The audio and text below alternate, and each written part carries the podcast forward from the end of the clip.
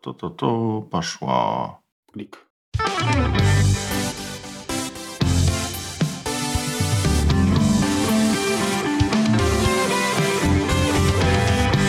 Cześć, witajcie w 133 odcinku podcastu Kompot. Podcastu, w którym wyciskamy sok, głównie z jabłek. W tym odcinku wita Was silna i zgrana grupa w składzie Marek Telecki i Remek Rychlewski. Tak, taka niespodzianka. Ekipa inna niż zwykle. Na wstępie dziękujemy naszemu partnerowi, firmie Synology, za wsparcie i zapraszamy Was do zapoznania się z ich produktami, które możemy z czystym sumieniem polecić. Tak, właśnie. Serdecznie polecić. Dzisiaj mamy zamiar zająć się nośnikami, ale nie obawiajcie się, nie będzie tylko o dyskach twardych i dyskach SSD. To, to jakby może na deser i to też raczej w niewielkiej ilości. No, chcemy się zająć wszystkimi właściwie możliwymi nośnikami, które człowiek stworzył. Tak troszeczkę historycznie podejdziemy. Podejrzewam, że tak daleko jeszcze historycznie nie grzebaliśmy się, bo, bo, bo wyjdziemy na pewno z naszej ery i to znacznie. No ale trzeba jakieś, jakieś podstawy przekazać, jeżeli chcemy cały temat jakoś potraktować kompleksowo. Kompleksowo, dokładnie. Swoją drogą, skoro jest o nośnikach, to nadamy nowe znaczenie przysłowiu nosił wilk razy kilka, bo nieśli wilka. Tak, nośnik, podnośnik.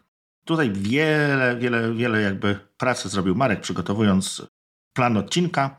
Ja tylko będę tutaj prowadził. Nośniki, czyli sposób zapisywania danych, czy sposób magazynowania informacji, tak możemy przyjąć, są z nami od, od, od bardzo dawna, tak? Bo pierwszym nośnikiem, który zachował się do naszych czasów, są, jest kamień, tak? Czyli to co, to, co zostało w nim wyryte. Znaczy, generalnie to było tak, że nośnikami byli jacyś mędrcy pewnie w plemionach, tylko że oni byli niestety nietrwali, tak? Tak.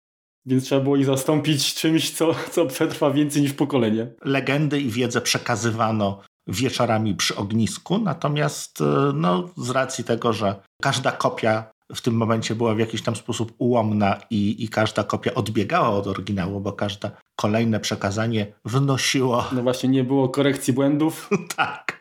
No, ale jakoś sobie właśnie z tym poradzono i, i, i, pierwsze informacje, które zachowały się do naszych czasów, to były wyryte właśnie w kamieniu. No to było stosunkowo uciążliwe i pojemność była stosunkowo niska, można by powiedzieć, no i było to bardzo, bardzo analogowe. Ciężko by się kasowało dane. Tak. Później nastała glina, czyli to pismo klinowe. No i przechodzimy do papirusa, czyli pierwszego pisma takiego, które no powiedzmy znamy już yy, i, i, w jakiś tam to, sposób to używamy. Się, jeżeli, jeżeli mówisz o hieroglifach, no to są, to, to są właściwie protoplastami e, emotikonek chyba, co? Poniekąd. A myślałem, że aptekarze. to też. Ale pisma aptekarskie. Ale to było chyba pismo węzełkowe, to bardziej bliższe aptekarzom. W sumie to tak. No tak, jeszcze o tym zapomnieliśmy właśnie, tak? Pismo węzełkowe. No dużo, dużo, różnych, dużo różnych metod, no ale to, co jak gdyby odwróciło troszeczkę, dalej mieliśmy kwestię powielania, tak? No, tworzyliśmy w jednym egzemplarzu, czyli robiliśmy no, tylko jedną kopię. Tutaj właściwie pierwszym takim ważnym odkryciem była maszyna Gutenberga, tak? Czyli dzięki temu panu ale mówisz o papirusie, a po papirusie jeszcze był papier dopiero, nie? I ten papier... No tak. To, to tak, jeszcze tam był, że tak powiem, używany, zresztą wynaleziony w Chinach, tak? Kurczę, ci to mają jednak siłę przebicia. I pierwszymi maszynami kopiującymi byli mnisi. Tak. Tak, no mnich, mnichów e, zastąpił pan Gutenberg, wymyślając czy wdrażając druk czcionkowy. Ruchomą czcionkę. Z ruchomą czcionką, tak. Movable type. Tak się to ładnie nazywa. No i od tego czasu zaczęliśmy drukować już bardzo, bardzo dużo, choć zajęło ludziom ponoć 100 lat, zanim wpadli na pomysł, że można drukować coś innego niż Biblię. No. Dokładnie, zresztą wiesz, no jeżeli chodzi o pismo, to jeszcze to sprawa była prosta, ale gorzej było z rycinami, tak? bo to też trzeba było przygotować jakieś linoryty, jakieś matryce tak. i, i, je powielać. Zresztą to się robiło przez długi, przez długi czas jeszcze, mhm. nie? Ale, ale y, na początku no to, to rzeczywiście było tak, że każda, każdy inkunabuł y, ręcznie tworzony był no, białym krukiem, tak? Tak. Nie ma co się dziwić, że, że były niedostępne dla plepsu, czy takiej, wiesz, tłuszczy, bo po prostu powstanie tego to zajmowało mnóstwo czasu. Trzeba było tego autora, autora no w zasadzie wykonawcę, tak, czyli, czyli tego drukarza, mhm. tak nazywając kolokwialnie, utrzymać przez ten czas. Tak, na lata zatrudnić, zgadza się. Hmm. Zgadza się, zgadza się. No ale też, też przetrwało jakby do naszych czasów jeszcze gdzie nigdzie się znajduje, że szanujące się biblioteki czy zbiory właśnie książek posiadają swoje exlibrysy, tak? Czyli na początku jest jakaś wstemplowana specjalna mhm. informacja, do kogo, do kogo należy ów, ów egzemplarz. A powiedz Remku, jak chodziłeś jeszcze, pobierałeś nauki w szkole tak. powszechnej, robiłeś mhm. -huh. Ba, oczywiście. Z gumki mywki? Nie, z płytek PCV. Okej. Okay. Większe były. Ale nie szczególnie były udane, muszę ci powiedzieć. To nie bardzo, nie bardzo się ten tuż trzymał tych płytek PCV. pomysł, pomysł nie był udany. Myślałem, myśl, myślałem że po prostu tnąc żyletką sobie więcej wzorków na palcach. nie, aż, aż tak nie było źle. No i powoli, powoli jakby zbliżamy się już do, do naszych czasów. Pierwszy, poza papierem oczywiście, nośnik, którego dalej używamy i nie używamy i wyłącznie, tylko i wyłącznie do zapisu słów czy obrazów, tylko do zapisu czegoś, co jest e, no, takie bardziej ulotne i trudniejsze, powiedzmy, do zapamiętania, jest, no, są żywice sztuczne, tak? Czyli znaczy do zapamiętania mówisz o, o, o, o informacji, czyli masz na myśli muzykę. Muzykę, dokładnie, tak. Mhm. Czyli mamy wszelkie polichlorek winylu, czyli, czyli nasze płyty winylowe i jakby poprzedników, czyli tam był chyba wosk był na początku. Mhm. Tak, no ten, ten fonograf Edisona to, to tak była y, rolka pokryta właśnie woskiem, zdaje się. Natomiast faktycznie w takim zastosowaniu przemysłowym no to był ebonit i shellac. Mhm. Bardzo, bardzo popularny. I później, znaczy to jest właśnie to jest ciekawe, jeżeli tutaj spojrzymy na kwestię czasu, no to ten do zapisu muzyki jeszcze z takich ciekawych rzeczy używano tak zwanego piano roll, czyli to była taka rolka, na której zapisywano nuty do pianoli, czyli taki prototyp naszego powiedzmy syntezatora może troszeczkę, mhm. czy, czy może bardziej kart drukowanych, o których powiemy później, a właściwie zaraz za chwilę, to, to tam też właśnie są były takie dziurki, które odpowiadały właściwie mechanicznie później przez to e, tam jakieś tam czujniki, w to, no, czujniki, źle powiedziałem, elementy wpadały. No, mechanizmy zapadkowe, które, które wykrywały właśnie, czy jest otwór, czy nie i, i to dalej powodowało, że, że coś się tam zadziało, czy jakiś motyw, czy uderzył w strunę, czy mhm. jakaś dźwigienka się przesunęła. Zresztą taki, taki sam mechanizm był stosowany w poprzednikach szaf grających, tak? czyli takich tak, tak zwanych orkiestrona, or, orkiestronów, gdzie również takim nośnikiem poza taśmą perforowaną były bębny na przykład drewniane, czy, czy takie tarcze metalowe z dołkami, tak? czy, czy, czy, czy, otworami. Mhm. I zmiana takiego elementu powodowało, że były dostępne zupełnie inny, inny zestaw utworów, tak? Był odgrywany przez. Znaczy, oczywiście instrumentarium było ograniczone do, do no, tych oczywiście. Y, dzwonków, tam strun i tak dalej. Melodie były w, te, w tym momencie już zupełnie inne. Także bardzo, bardzo fajne rozwiązania i one w ogóle były świetnie często jakby inicjowane, bo wiesz, no jak masz katarynkę, no to tam jest ruch mięśni, tak, kręcisz tak. I, I, to tam się wydobywa. Natomiast tutaj były jakieś mechanizmy takie bloczkowe, bloczkowe, że wrzuciło się tam jakąś monetę czy coś, to to powodowało, że dopóki ciężarek opadał w dół, no to, to, że tak powiem, to dograło tak, tak, tak długo. Także całkiem sympatyczne rozwiązania i ja jestem pełen podziwu jak pomysłowości. To, y, tak, ta, ta pomysłowość i ten stopień komplikacji, bo był stosunkowo duży jak na tamte czasy. Tak, no bo to było mechaniczne zupełnie. A one były stosunkowo niezawodne, bo to do tak. dzisiaj gdzieś tam jak w muzeum znajdziesz, to, to, to, to wszystko funkcjonuje. Naprawdę rewelacja. Pierwsze MP3. A Marku, teraz właśnie taka zagadka. Kiedy powstała pierwsza płyta winylowa? To była siedmiocalowa 78 obrotów na minutę. Zga zgadniesz? Tak, to były rzeczywiście takie. Mhm. Jeszcze... Później były 45 i 30, 33 obroty, te, te, te największe tak. bodajże. 78 obrotów to nawet, kurczę, miałem takie radio menuet, które miało zintegrowany patefon czy gramofon i tam była opcja 78, to rzeczywiście mhm. jak, jak coś położyłem na to, to leciało jak shuriken po pokoju. Kiedy to było? Przypuszczam, że, że to jeszcze... Czekaj, czy to był XIX wiek? 1897. Dokładnie. Czyli, czyli, czyli końcówka XIX czyli jeszcze XIX wiek, zgadza się. Od zarania dziejów i cały czas wymyślamy jakieś nowe nośniki, nowe y, metody właśnie zapisu informacji. Właśnie, ale tutaj warto dodać, że praktycznie może za wyjątkiem właśnie tych niektórych elementów typu właśnie karty perforowane czy taśmy perforowane, to można przyjąć, że te wszystkie nośniki do tej pory, które omawialiśmy, one pozwalały na zapis informacji w postaci no tekstu analogowej. Tak, ale. No jeszcze obrazu, tak? No tak, obrazu mhm. można. Ale to. Nie, to jest analogowe, tak, tak, tak, tak. W postaci analogowej. Natomiast w momencie, gdy w podstrzechy, czy generalnie jakby do, do, do, do naszego życia zawitały komputery, które no, bazują na systemie dwójkowym, gdzie ta informacja dużo prościej ją było zapisać, przedstawiać w formie, formie cyfrowej, tak? Mhm. Należało, czyli normalne było to, że, że, że potrzebujemy nośnika, który pozwoli na coś takiego, tak? I tu wchodzimy w erę nośników nam bliższych, tak? Czyli magnetycznych, tak. Nośniki magnetyczne, tak. To chyba najbardziej, najbardziej rozpowszechnione, najbardziej popularne i moim zdaniem nośniki, które w zasadzie jeszcze chyba będą miały swoją drugą młodość, drugie życie. Zresztą one są do dziś stosowane, ale troszeczkę w innych sektorach, w innych w domu powiedzmy nie korzystamy, no bo tak naprawdę większość z, z, z nas i z Was, drodzy słuchacze, korzystała, miała do czynienia z dyskietkami tak? Tak. Także to, to element taki powiedzmy najbardziej związany z komputerami. Albo wcześniej jeszcze korzystając z magnetofonów czy magnetowidów z taśmami mhm. magnetycznymi.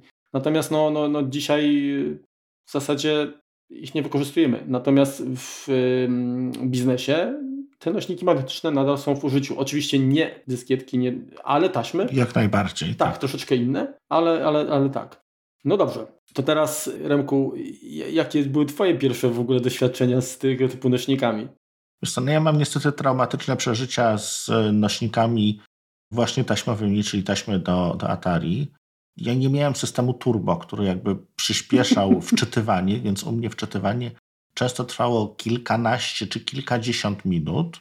E, no może tak, kilkadziesiąt, tak, no powyżej pół godziny się niektóre dłuższe tytuły potrafiły wczytywać. I to było o tyle zawodne, że ten zapis, ten magnetofon, no nie były najwyższej klasy sprzętem wówczas. Zasilanie, które posiadaliśmy i urządzenia, które mieliśmy wpięte do tego zasilania również nie były najwyższych lotów. Pojawiała się sytuacja taka, że nie wiem, zapalenie światła w pokoju, czy uruchomienie się lodówki, znaczy agregatu lodówki w kuchni, y, mogły spowodować to, że grać się po prostu nie wczyta. Mhm. Więc to było takie, powiedzmy, nabożeństwo, że się uruchamiało grę, wychodziło z pokoju, żeby tam nie wprowadzać żadnych wibracji i tam siedziało i zezowało gdzieś tam na ten monitorek, czy, czy przypadkiem już się wczytało, albo czy słuchało, tak? Jak sąsiad Bo... włączył piłę do cięcia drewna albo no to nie ma to przebacz w ogóle, nie ma, to w ogóle można było sobie odpuścić. Tak, tak. Jeżeli słyszałeś, że ktoś wierci, a, a w bloku, no to, to, to, się, to się niosło bardzo, bardzo poważnie to, to po prostu można było sobie odpuścić i pobawić się basiciem. To teraz tak abstrahując od tej sytuacji, to uwierzcie, że dzisiaj stosunkowo dobrze funkcjonują rozwiązania wykorzystujące sieć elektryczną do propagacji sygnału czy, czy sieciowego. Tak? tak. To te dwie, trzy dekady temu to nie miało, to nie miało racji bytu. Nie, zupełnie nie, nie, zapomnij, zapomnij. To w gruncie rzeczy jest fajnym, e, to, to o czym wspominasz, czyli przesyłanie przez, przez kable energetyczne, czyli Internet over Power Line. Jest fajne w miejscach, gdzie mamy po prostu bardzo duże zagęszczenie sieci Wi-Fi i, i musimy prze, przesłać jakieś dane, a nie mamy możliwości połączenia kabla. Bardzo dobry pomysł. Albo, albo gdy mamy do dyspozycji budynki na przykład zabytkowe, no. historyczne, których nie chcemy niszczyć, instalacjami kablowymi mhm. dodatkowymi, tak? Czy montażem jakichś Wi-Fi i tak dalej. I w tym momencie to też, albo mają grube ściany i te Wi-Fi też by, też by nie Właśnie to, to samo chciałem powiedzieć, tak? Te półtorej metra ściany na starówce po prostu Wi-Fi skutecznie tłumi jakiekolwiek. Mm, ale wracając... Do mojej historii. No, no właśnie. Do... Tak, i wiesz co, i, i dość długo używałem tego magnetofonu, później dostałem pod choinkę stację dysków i, i byłem przeszczęśliwy i wszystkie te dyskietki, wszystkie te gry z kaset pozgrywałem sobie na kilka dyskietek i, i już byłem po prostu, wiesz, wygodnicki, już mi się gra wczytywała no, kilka sekund właściwie. Więc, e, więc to jest zupełnie inny mhm. tryb pracy i powiem Ci szczerze, ja w życiu zawodowym kilka razy spotkałem się, nawet w którymś momencie sam używałem w domu napędów właśnie magnetycznych e, streamerów. Ja zawsze miałem do tego takie podejście z wielgachnym dystansem, nie że z rezerwą, mhm. z wielkim dystansem. Ja nigdy temu nie ufałem, bo zawsze gdzieś, gdzieś mi zostało z tyłu w głowy, że ta taśma się zagnie, rozciągnie, coś się z nią stanie, przestanie się wczytywać i, i, i, i będzie jakaś katastrofa. No i wtedy ołówek i kręcioła. no, na streamerze to już nie bardzo się da. Dokładnie. Wiesz co, no, A twoje, Marku? Yy, moje doświadczenia, ja nie posiadałem komputera osobiście, który wykorzystywał kasety jako nośnik mhm. danych, natomiast moi przyjaciele, u których często spędzałem czas, uwagi na to, że, że mnie, mnie wówczas jeszcze nie było stać, natomiast jak już było mnie stać, to, to już miałem dyskietki, także, także no, też już powiedzmy moja cierpliwość nie była wystawiana e, na, na, na, taką próbę jak, jak w Twoim przypadku. Aczkolwiek mhm. rzeczywiście też yy, wczytywaliśmy na Timexa i na Atari 65XE z kasety. No i to rzeczywiście yy, było. Znaczy tak, z jednej strony to było fajne doświadczenie, bo gra się wczytywała kwadrans, my mieliśmy w tym czasie czas na, na pogaduchy. To prawda. Y, I jak już się wgrała, to już człowiek grał, bo, y, bo wiedział, że kolejna może się nie wgrać, mhm. więc y, nie było wybrzydzania. Natomiast tak jak, tak jak mówisz, zresztą o tych wadach różnych nośników będziemy mówić pod koniec tak jeszcze nagrania. Mhm. No ale wiadomo, że to ryzyko zawsze było. Nie tylko mechaniczne uszkodzenia, ale też jako, że, no, że to jest nośnik magnetyczny. To jakieś rozmodosowanie przypadkowe więc y, no, różnie z tym było, tak? Natomiast plusem było przede wszystkim to, że chciałeś zrobić kopię, to wystarczy, wystarczył ci na przykład magnetofon taki z dwoma kieszeniami, tak? No tak, można było w ten sposób zrobić, tylko to była kopia jak gdyby zawodna. Lepiej było użyć programu kopiującego, czyli wgrać sobie, czytać sobie program do pamięci i z tej pamięci nagrać go z powrotem. No oczywiście trwało to dwa razy dłużej niż niż zabawa kaseciakiem, bo jeszcze w kaseciaku można było przegrać w trybie turbo. Nie wiem, czy pamiętasz to. Pamiętam, oczywiście. Tylko, Zresztą to, y, to też... wtedy miało już mniejszą, powiedzmy, jeszcze przydatność do spożycia. Wiesz, no jeżeli miałeś kasety dobrej jakości, to, to jakoś tam działało. No. no. W każdym razie, y, to już wspominaliśmy o tym przy okazji innych jakichś odcinków y, klimatów retro, można było też zapisać programy, które zwykle niestety nie działały, yy, transmitowane przez rozgłośnię harcerską, pamiętasz? Radiokomputer? Pamiętam, pamiętam. No ja nie, znaczy wiesz tak dobrze mówię? Radiokomputer, masz rację, ja czy rozgłośnia była chyba gdzieś centrum Wola, jakoś tam te miejsca.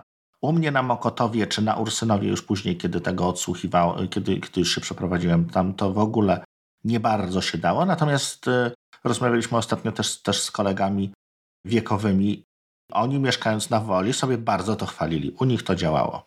Po prostu w złym miejscu się niestety ulokowaliśmy.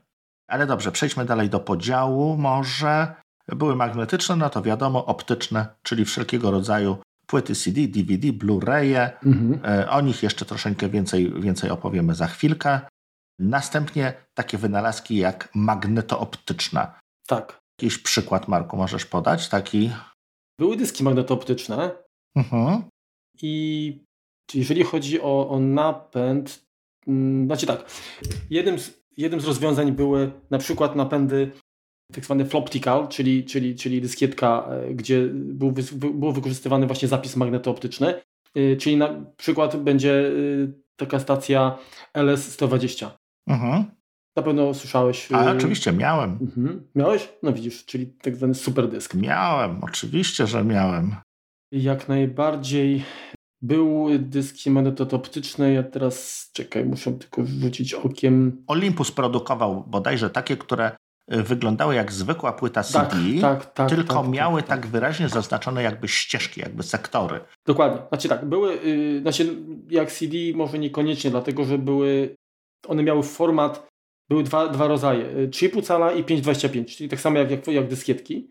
Natomiast y, różnica jakby polegała na tym, że o ile w przypadku płyt na przykład CD, DVD czy, czy Blu-ray i tak dalej, y, laser wykorzystywany jest do zapisu. Tak? tak. Natomiast tak. tutaj chodziło o to, że nadal zapis y, przebiegał w sposób magnetyczny, ale laser podgrzewał nośnik po to, aby ułatwić namagnetyzowanie. To taka hybrydowa trochę technologia. Mhm. Z tego co ja pamiętam, bo jak najbardziej jeszcze w 96, jak rozpocząłem pracę w firmie, to z takimi dyskami miałem do czynienia. One były stosunkowo drogie, ale to generalnie te nośniki tego typu y, wówczas były bardzo, bardzo drogie. Wiesz co, bo ja pamiętam właśnie taki nośnik, który wkładało się w takie kadi właściwie, żeby go, żeby go nagrać, natomiast on był możliwy do przeczytania w zwykłym napędzie CD, no i był zgodny z CD-ROMem, tylko miał powiedzmy tam nie 750, ale, czy tak, tam... Tak, ale, ale to, to, to, to, to nie. To, znaczy generalnie te pierwsze płyty w ogóle chyba CD to one były, występowały w CADI. Z tego co kojarzę, bo nawet... Ale one też miały takie, to też miały taką podziałkę, tak? To, to o czym mówisz, to takie widać było sektory. Tak, Okej, okay, to, to, to, to, I na pewno tak. się to nagrywało nie sesjami, tylko można było sobie właśnie coś ze środka skasować i później na to miejsce w miarę z grubsza nagrać, jeżeli się rzeczywiście zwolniło całe. Zgadza się i nawet, nawet y, Maki miały takie napędy właśnie na, na Kadi. Mhm. Także, ale to były, to były już optyczne, to nie były magnetoptyczne. Z okay. tego, no tak na 99% bardzo... z tego co pamiętam. Wierzę Ci, Marku, wierzę Ci naprawdę. Także to y, magnetooptyki, no i dochodzimy do czegoś, co jest dzisiaj standardem, czyli pamięci nośniki półprzewodnikowe. Zgadza się. Które w gruncie rzeczy też są od bardzo, bardzo dawna, tylko zapisy na nie kiedyś były albo zupełnie jednorazowe, albo no tak. bardzo, bardzo mocno utrudnione. Czyli wszelkie romy, tak? To, co, to, co mieliśmy. EPROMy, romy i tak dalej. Tak. Czy, czy pamięci y, tak, y, stałe. Kości pamięci, tak, które zawierały na przykład y, firmware, czy tego oprogramowanie mhm. bazowe, y, taki, taki BIOS powiedzmy do, do kart y, różnych. Tak, to, no to były, czy w ogóle do systemu, tak? Do system, coś tam musi wiedzieć, żeby, żeby się uruchomić, no więc tak. te, te, te komputery, zarówno starsze, jak i nowsze, mają wbudowane pewną, pewną kawałeczek pamięci, które no po prostu mówią mu, jak dalej wczytać system operacyjny. Tak, i tak jak wspomniałeś, że te nośniki, poza oczywiście możemy podzielić pod różnymi właśnie kategoriami, tak? Czyli czy, czy tak. pod względem wykorzystywanego sygnału, tak? Czy to jest sygnał analogowy, czy cyfrowy, tak? To, to już wiemy. Czy ze względu na, na, na zastosowane technologie, tak? Czyli tutaj mhm. wiem, papier, drewno, taśma magnetyczna, czy, czy tworzywo, y, w sensie technologia optyczna, magnetoptyczna, mhm. poprzewodnikowa, ale również na, na sposób zapisu, tak? Czyli właśnie y, czy, czy to będzie ROM bardziej, czy, czy jednak RAM i jeżeli to będzie też RAM, tak? Mhm. Czy, czy ROM, to czy on jest wielokrotnego zapisu, czy, czy jednokrotnego, czy można usuwać, tak? ROM będzie zawsze jednokrotnego zapisu, a właściwie... A to tam masz, masz przepraszam. Czyli to jest WORM. Write once... Y... Write once, read many. Read many. Mhm. Czyli tak zwany WORM. Mhm. Wielokrotnego zapisu, czyli, czyli te, które właściwie większość wy, wy, nowożytnych, czyli dyski twarde, flesze, i tego typu nośniki. To jest wielokrotnego zapisu, czyli... Tak, zresztą z płytami też tak było, że generalnie standardowo to jest tak, że zapisujemy, to zamykamy sesję i koniec, tak? A tak. były takie, że można było dodać kolejne sesje i były również takie, to się chyba były nazywały ym, zapisywanie pakietowe, czy coś takiego, Universal, jejku, teraz nie pamiętam, ale coś, jak mi się przypomni, to jeszcze dodam. W każdym razie pozwalały również usuwać, tak? Czyli można było usuwać, ale nie w ten sposób, że, że po prostu usuwać jakby z listy dysku sesji, jeżeli nie widać, ale miejsca no. też nie ma, ale można było to miejsce odzyskać wręcz. Tak. Czyli działało to jak dyskietka. No w Natomiast... pewnym takim, no właśnie to jest to, o czym ja próbowałem powiedzieć. Myślałem, że to jest też, że to było magnetooptyczne, ale, ale w tym momencie sobie też nawet nie przypomnę, jak to się nazywało. Wiem, gdzie to, wiem, gdzie to u mnie leży. To jak znajdę przed, przed złożeniem odcinka, to prześlę zdjęcia gdzieś tam i, i, i się pochwalę starymi nośnikami. O, yy, poczekaj, U, U, UDF, coś takiego było? Generalnie tak jakby najbardziej popularne stały się płyty jednokrotnego zapisu. Tak. I ewentualnie RW, tak? Czyli kasujemy całość i, i, i zapisujemy od nowa. Zgadza się. No dobrze, to jeżeli już mamy, y, to teraz tak, żebyśmy troszeczkę dalej sobie usystematyzowali, skupmy się może na taśmach magnetycznych, czyli różnych kartridżach, kasetach, które się znalazły. Tak naprawdę, jeżeli spojrzymy na wszystkie możliwe, które, które tam powstały, zaistniały, no to ta lista miałaby pewnie ze 120 pozycji. Natomiast skupimy się na takich, które no, jakąś tam popularność sobie zdobyły. Trzeba też dodać, że y, te taśmy magnetyczne jako takie występują w wielu różnych drobiazgach, których może nawet sobie nie zdajecie sprawy, ale na przykład w kartach kredytowych, tak? Oczywiście. Oczywiście, że tak. Więc podzielmy je na takie, które zostały stworzone do, do zapisu najpierw e, plików muzycznych, czyli muzyki audio. Czyli to jest klasyczna nasza kaseta, którą, którą znamy.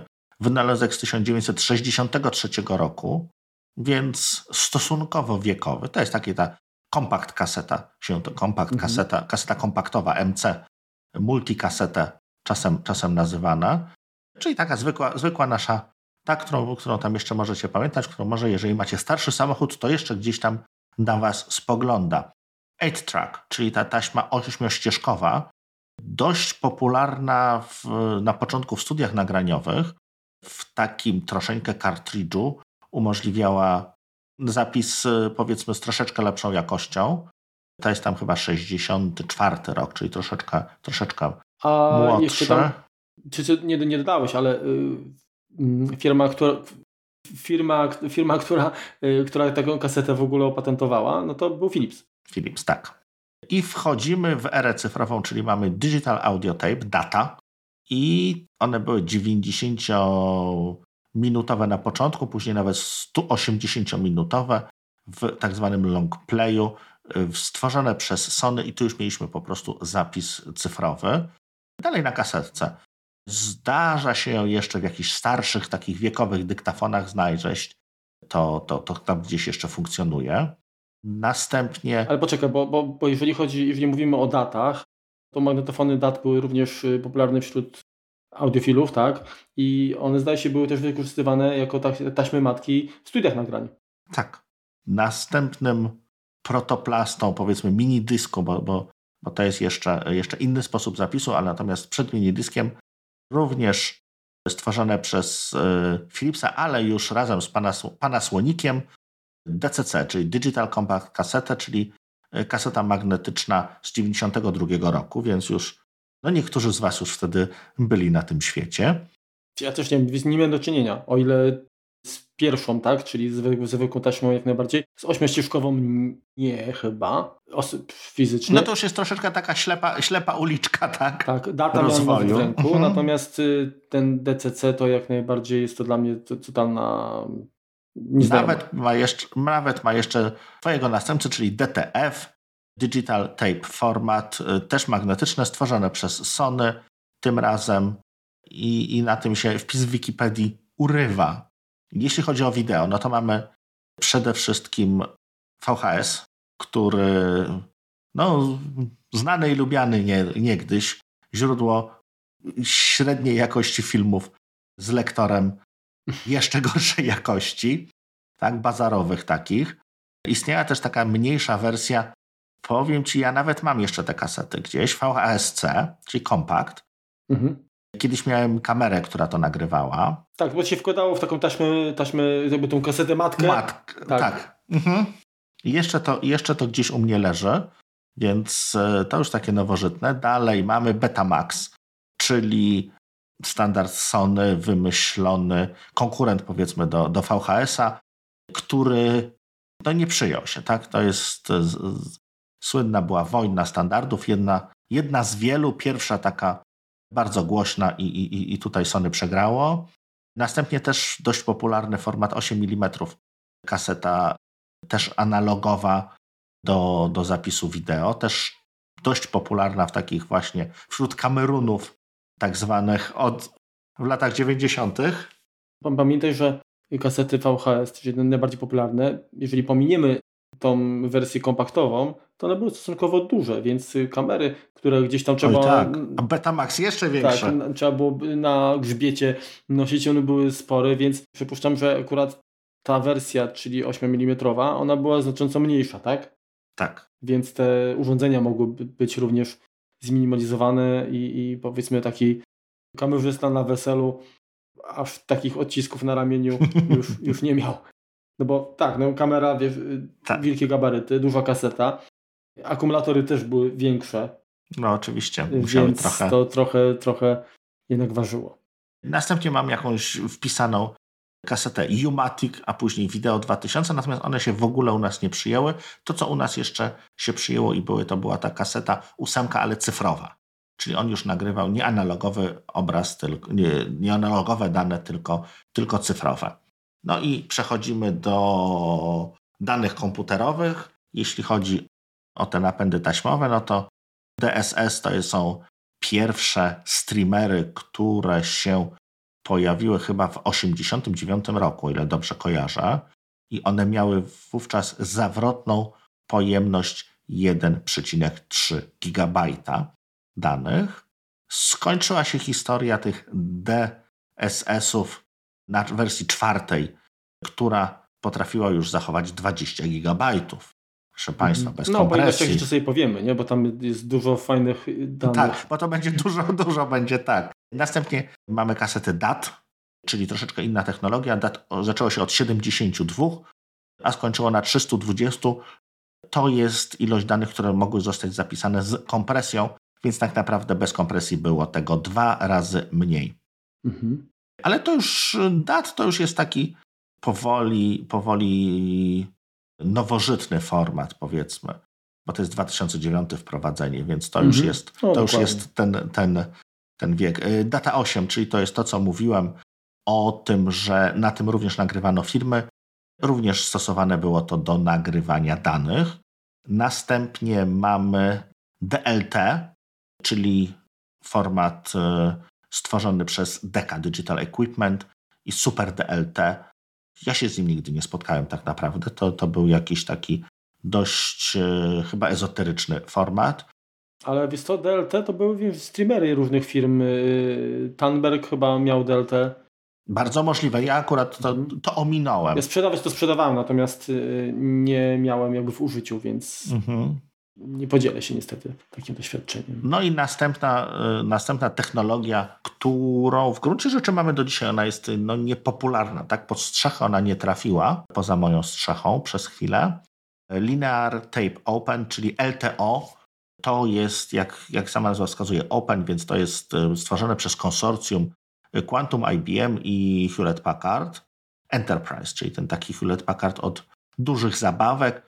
I to są takie tasiemki które zostały wprowadzone w 2000 roku, są z nami do dziś i pozwalają zapisać danych e, nieskompresowanych 360, e, nie to jest prędkość, bardzo przepraszam, 9, 12 terab 18 terabajtów. O, mhm. nieskompresowane, skompresowane 45 terabajtów.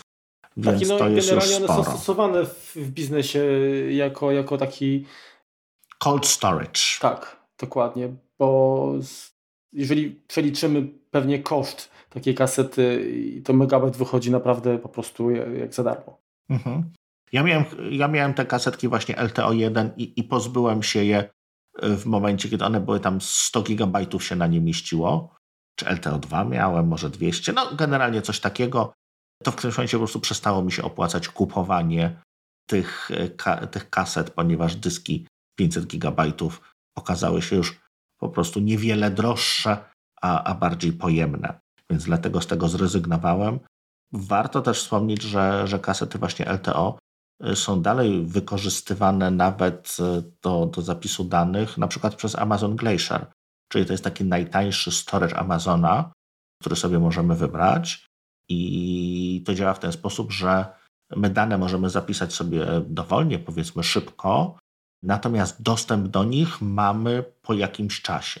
Więc gdzieś tam w serwerowniach Amazona stoją takie wielkie roboty, które obsługują takie, jak sobie przypomnicie film Hackers, to tam była taka wypożyczalnia kaset wideo, no to tu jest coś podobnego, ale właśnie z tymi, z tymi kasetami LTO i po prostu można sobie zamówić, że te dane będą dostępne, więc one są tam po prostu przenoszone przez, przez ramię robota do kilkunastu prawdopodobnie, czy kilkudziesięciu streamerów i dostępne później do, do pobrania, oczywiście za odpowiednią opłatą, tak? No bo to jest taki mhm. typ danych, za które płacimy bardzo, bardzo niewiele za ich magazynowanie, natomiast ich odtworzenie czy, czy dostęp do nich jest odpowiednio liczony, no bo to jakby jest, jest tutaj wąskim gardłem tegoż to rozwiązania.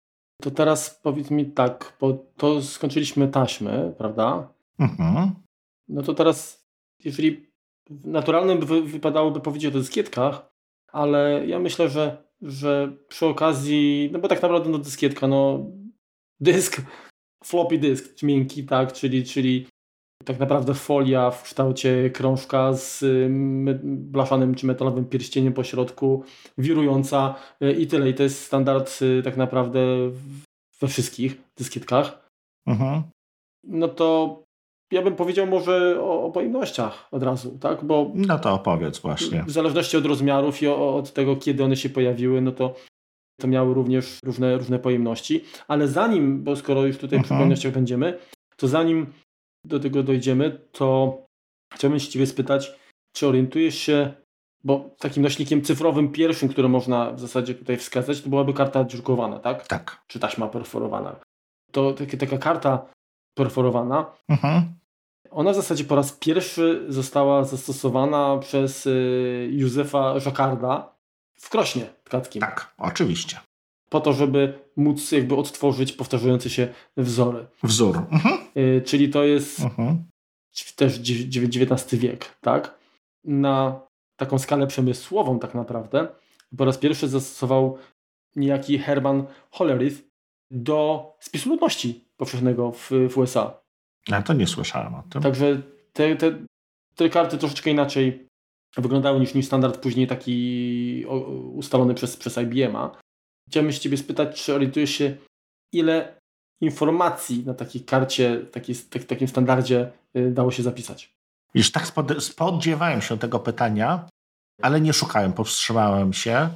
Wiesz co, mogę, będę strzelał oczywiście. Myślę, że koło, nie wiem, na pewno poniżej 100 bajtów, no 100 bajtów niech będzie, no. No dokładnie, dokładnie. 80, około 80 bajtów. No to. Czyli praktycznie 80 znaków. Tak. Czyli SMS-a się nie dało zmieścić. Tak. Z naszego... Notabene y, te, te karty, one oczywiście po iluś tam odczytach też się niszczyły, miały swoją grubość, mm, więc zajmowały mnóstwo miejsca. Także gdzieś tam fajne informacje można znaleźć na temat tego, gdybyśmy chcieli zapisać mhm. jakąś tam książkę na kartach, to ile, ile by to kilometrów zajmowało taki stos, nie? Także no to, ale to już sobie poszukacie bo to naprawdę już takie bardziej trivia, tak? No też były takie taśmy, które, na których się nagrywało programy, taka perforowana taśma wielkości, szerokości mniej więcej, nie wiem, tam Cala chyba. Ze 2 centymetry, czy no coś koło no, cala, coś tak. Koło cala, I na no. tym też były właśnie takie dziurki. Wiem, że kiedyś, e, kiedyś to było też, też w użyciu, a później, później dawało radość na imprezach i, tworząc girlandy różnego rodzaju. Zgadza się. I konfetti, no bo te dziurki trzeba było najpierw zrobić tam. Także te, Oczywiście. te urządzenia były tak głośne, które jakby pozwalały zapisać, no bo trzeba było wybić też siłą, tak jakbyś miał dziurkacz, nie? Mhm. Y, tylko, że y, automatyczny, no to masakra. To hałasowało strasznie, o, dokładnie. Dokładnie. No dobra, no to skoro wiemy ile, ile karta y, może pomieścić danych, to czy orientujesz się ile danych Oczywiście Aha. teoretycznie, bo ciężko jest jakby przetworzyć informację analogową na cyfrową, korzystając z jakichś tam wzorów, no bo jeżeli weźmiemy płytę winylową, Aha. tak, Aha. to ten ma tak. dwie strony i ileś tam muzyki dało się nagrać, no bo to opakowanie też jest ograniczone. Oczywiście. Jak porównamy sobie płytę winylową do płyty kompaktowej, no to w płycie kompaktowej mamy okręgi, które są centralnie, tak, y, coraz mniejsze tam do środka. Tak. Natomiast w płycie winylowej mamy spiralę. Jest jeden, tak, jest tak, jeden. Czyli, czyli jest jakby rowek. Jedna, tak, jeden rowek. To korzystając tam z różnych, powiedzmy tam wzorów, jak myślisz, ile mniej więcej danych można było na takiej płycie winylowej zapisać? Taki odpowiednik. Ze 120 kilobajtów? No nie, właśnie tu, tu jest yy, o, o, o, tyle jest to yy, dziwne, że, że sporo więcej, bo mniej więcej od 340 do 450 megabajta, megabajtów na obu stronach. Hmm. Całkiem, całkiem sporo. Podejrzanie dużo, muszę Ci powiedzieć. Muszą mieć niesamowitą, er, niesamowitą korekcję błędów. No właśnie tam korekcji nie było. nie, ale właśnie przy odczycie teraz. Mhm. Ale wiesz, no, znaczy, a, bo ty mówisz w sensie takim, no tak, no jeżeli porównamy to w ten sposób, że, że w gruncie rzeczy to, żeby odtworzyć e, z grubsza, powiedzmy, jakość płyty takiej, takiej zwykłej winylowej, no to jest potrzebny CD, czyli 650 megabajtów, no to wychodzi, że przy czym CD jest troszeczkę dłuższy, tak? Tam płyta winylowa miała chyba do 60 minut, natomiast na CD wchodzą 72 minuty? Czy coś takiego? Faktycznie, faktycznie 80 y, minut wchodzi na CD, a, a chyba 70 chyba, coś koło 70 wchodziło, czy nie, niecałe 70 chyba wchodziło. No więc tutaj pewnie jest kwestia tego, że przeliczyli po prostu to na, na PCM-a, który, który potem siedzi, siedzi na CD-ku. No, czyli tam korekcji nie ma żadnej. No, no dobrze, no tutaj nie zdałem, ale okej. Okay. Mhm. Jakieś okay. masz jeszcze zagadki? Może? Tak, tak. Dobrze. Bo mówię o taśmach i na przykład mhm. Y, VHS czyli kaseta VHS taka standardowa, to była mm, 3-godzinna. E180, tak. takie miały. I y, swego czasu w szeregach amigowych, tak, na Amidze było, było bardzo popularne rozwiązanie Video Backup System. Tak. I ono pozwalało no, wykorzystać y, taką y, magnetowid, kasetę magnetowidową jako, jako kopię zapasową, jako taki właśnie streamer. Mhm. Tak? Jak myślisz, ile mniej więcej danych taka 3-godzinna kaseta po, pozwalała zapisać? To jeszcze taka ciekawostka, to było o tyle powiedzmy ciekawe, że tam właściwie nagrywany był tylko jeden biały pasek na środku. I przez wygięcie tego paska lewo-prawo zapisywaliśmy dane. Więc to gęstość tego była dość mała, jak na fizyczne, e, fizyczne powiedzmy pojemność kasety, ale woleliście to na pewno niż dyskietki. Więc powiedzmy, taka dyskietka wasza miała 800 megabajtów. Yy, to. Na, tak, kilo, 800 kilo... Dokładnie 880 na, na PC to było 720, później było tam 1,44. Mhm. Yy, natomiast w Famidze popularna była tak zwana yy, rzadka stacja dyskietek i ona miała 880, natomiast gęste, czyli w, na przykład w Famidze 3000-4000 mhm. Miały 1,76 MB. No ale to, to, to jest też mniej niż 2 MB a dyski no, były stosunkowo drogie, tak? No to tam, mhm. tam mój pierwszy dysk, jaki ja kupiłem, to był kawiar 850 MB. To ja strzelam, że na taką kasetę weszło wam 50 dyskietek. Więcej. Czyli 800, czyli 400 megabajtów będzie miało. No to o, o, o jedną trzecią się pomyliłeś. Prawie 600 megabajtów, czy około 600, no, czyli, 600 czyli, czyli tyle co na płytę CD mniej więcej. Troszkę mniej niż na płytę mhm. CD. To całkiem sporo. No ale pamiętajcie, że dostęp do tego był Oj tak. Yy, również karkołomny, ponieważ trzeba było przewinąć, trafić, ale chyba to specjalne oprogramowanie do tego jakieś mieliście. Tak, dokładnie. Które, które potrafiło troszeczkę sterować tym magnetowym. Tam jakieś, jakieś znaczniki były i bo dzięki tym znacznikom można było jakoś tam przewijać też i szukać. Także to dało się, ale było rzeczywiście upierdliwe. Natomiast no, cena czyni cuda, tak jak mówią. No oczywiście. Więc jako archiwum to, to się też y, sprawdzało. Także całkiem mhm. takie fajne rozwiązanie. No dobrze, czyli mamy karty, mamy płytę winylową, mamy kasetę VHS. Kaseta magnetofonowa, powiem szczerze, źródła podają tak rozbieżne dane, że tak. Bo to bardzo zależy od systemu, tak? Że, że pozwoliłem sobie to y, pominąć. No to więc wróćmy do dyskietek. Mhm. Pierwsze dyskietki, które ja miałem okazję zobaczyć, bo nie wykorzystywałem. To były, dysk, to były dyskietki o wielkości 8 cali. Tak. Śmiesznie to wyglądało już, już wtedy było to dość wielkie, bo, bo ja też pierwszą, pierwszą dyskietkę właśnie widziałem 8-calową. Byłem, no nie bardzo nawet ją mogłem dotknąć, tylko ją widziałem, ale później jak już, jak już zacząłem używać następcy, czyli tych dyskietek 5 y, ćwierć, czyli 5,25 mhm. cala, no to wydawała mi się tam ta przeogromna, wielka, gigantyczna. Mhm. Ja to jakby na praktykach, czy na przykład na wycieczce w jakimś starym budynku Zetto. Mhm. Już niestety, niestety nie, nie funkcjonuje to w tym miejscu. Kiedyś nawet poszedłem tam spytać, czy może mają jakieś starocie, co wiesz, po prostu by się zachowało, ale mhm. nie trafiłem na osobę kompetentną, która chciałaby trochę tutaj podzielić się i człowiek uciął temat po prostu i tyle.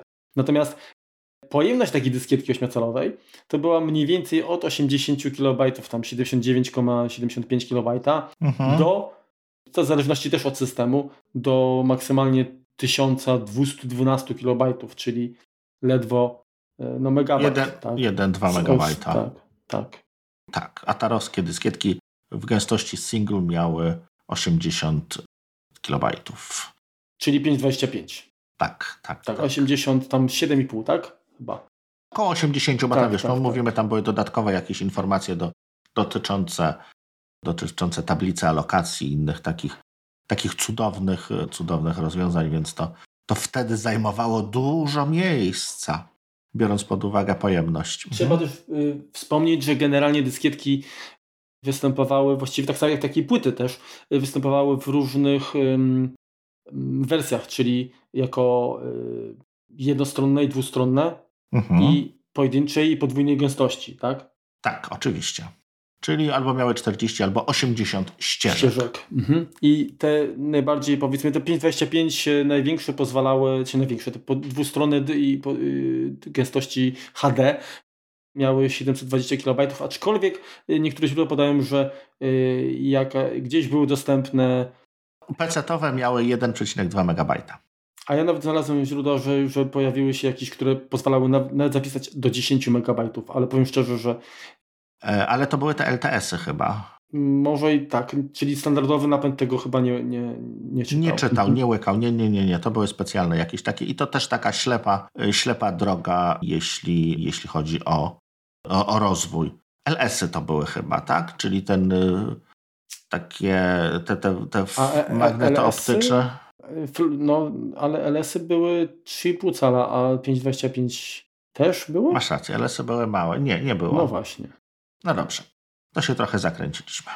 Trudno, zostanie. No, to może ktoś sprostuje, jeżeli ma do czynienia z y, dyskietkami 5,25 cala, które pozwalały na zapisywanie więcej niż 1,2 megabajta. Megabajta, tak. Ja gdzieś tam y, chyba ze dwie dyskietki takie 5 ćwierć jeszcze mam w szufladzie, bo... Ja mam 720 bardzo dużo, bo one były jeszcze do, do, do Atari i znaczy maksymalnie się tam 720 mieściło, trzeba było mieć specjalną stację dysków do tego. Nomen omen polskiej produkcji firmy Toms mhm. I, i, i tam się mieściło, tam można było sobie przełączyć na ścieżki parzyste i ścieżki nieparzyste na przykład.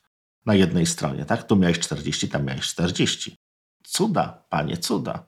No dobrze, ale miniaturyzacja wymusiła e, zmianę tak, rozmiaru, więc chodziło o to, żeby te komputery były bardziej kompaktowe i napędy również. I pojawiły się w zasadzie dwa, w tym samym czasie dwa standardy, 3, 3 cale i 3,5 cala.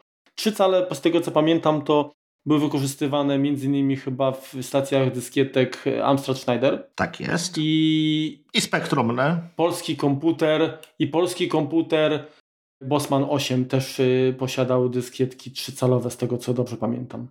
One były śmieszne, one były takie bardziej podłużne. Mhm.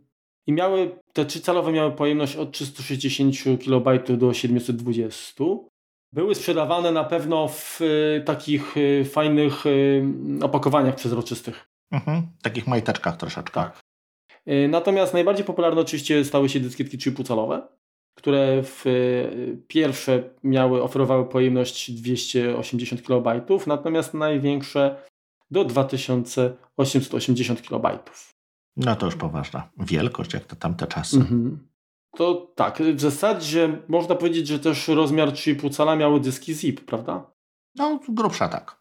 I te, tak, także dyski ZIP firmy iOmega, zresztą później e, kolejna generacja to były, to były dyski jazz, no akurat troszeczkę inaczej nieco wyglądały. Te dyski ZIP, one występowały, zdaje się chyba, w... najbardziej popularne były dwa rozwiązania, czyli był ZIP 100 mhm. i większe ZIP 250 i chyba 750 też była. Ja miałem... Setkę miałem. Ja miałem setkę też. Miałem setkę na złącz, na, na interfejsie na paralelu? A, nie, nie, na SCSI miałem y, w, w mojej Amidze y, w obudowie Tower. Mhm. Szok. Wiesz jak to chodziło? To było cudne. Czyli tak, czyli 100, 250 i 750 to były pojemności dysków ZIP. Jazzy, czyli to był w zasadzie taki Jazz to było fajne rozwiązanie, bo to było troszeczkę taki jak dysk przenośny, mhm. gdzie urządzenie odczytujące było w komputerze, czyli, czyli właśnie w tym w, w napędzie, natomiast nośnik to były same talerze. Tak? Mhm. Tak jest. Tylko, że to już właściwie nie, było, nie była dyskietka, tylko to był dysk, bo ten, ten, ten tylko przenośne, dokładnie. Były, były mm, sztywne, tak? Twarde, w sensie nie, nie, nie, nie, to nie była folia, tylko już, już metalowy element z, z jakimś warstwą magnetyczną.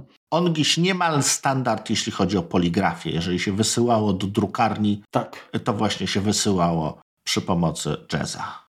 Mhm. I tutaj pojemności były najbardziej popularne 1 i 2 gigabajty. To już się konkretny kawałeczek książki zmieścił. No tak, bo to, to były czasy, gdzie, gdzie dyski miały w, w, w megabajtach. Tak, tak. Nie? To także kosztowało to też jak ze zboża, ale faktycznie Dało się przesłać pocztą i nawet czasem działało później. Dobrze opakowane, naprawdę, naprawdę dość długo przeżywało, czego nie można powiedzieć na przykład o dyskietkach, tak? No niby po popularne dyskietki 3,5 calowe, może jak one jeszcze wchodzi, wchodziły i, i, były dość drogie, to one, czy, czy nawet wszystkie te, te 525, na początku w miarę działały, tak? Sukcesywnie zarówno same nośniki, jak i, jak i stacje tych dyskietek bardzo mocno taniały, no i w tym momencie bardzo widać, jak jakość spadała. Bo doszliśmy w którymś momencie do takiego momentu z jakością, że no nie można było tej dyskietki mieć w kieszeni i, i przejechać tramwajem się do centrum, bo ona już po przejechaniu się nie chciała przeczytać. No tak, bo temperatura, jakieś pola magnetyczne i tak dalej. Natomiast rzeczywiście y, to, to, to, to zwrócisz uwagę, y, miało miejsce, bo pamiętam, że no, powstało, byli producenci tacy, tacy wiesz, czołowi, mhm. typu Verbatim czy Precision, pamiętasz? Oczywiście. Dyson czy, czy Dyson, nie wiem jak to tam się mówi, czy 3M, mhm.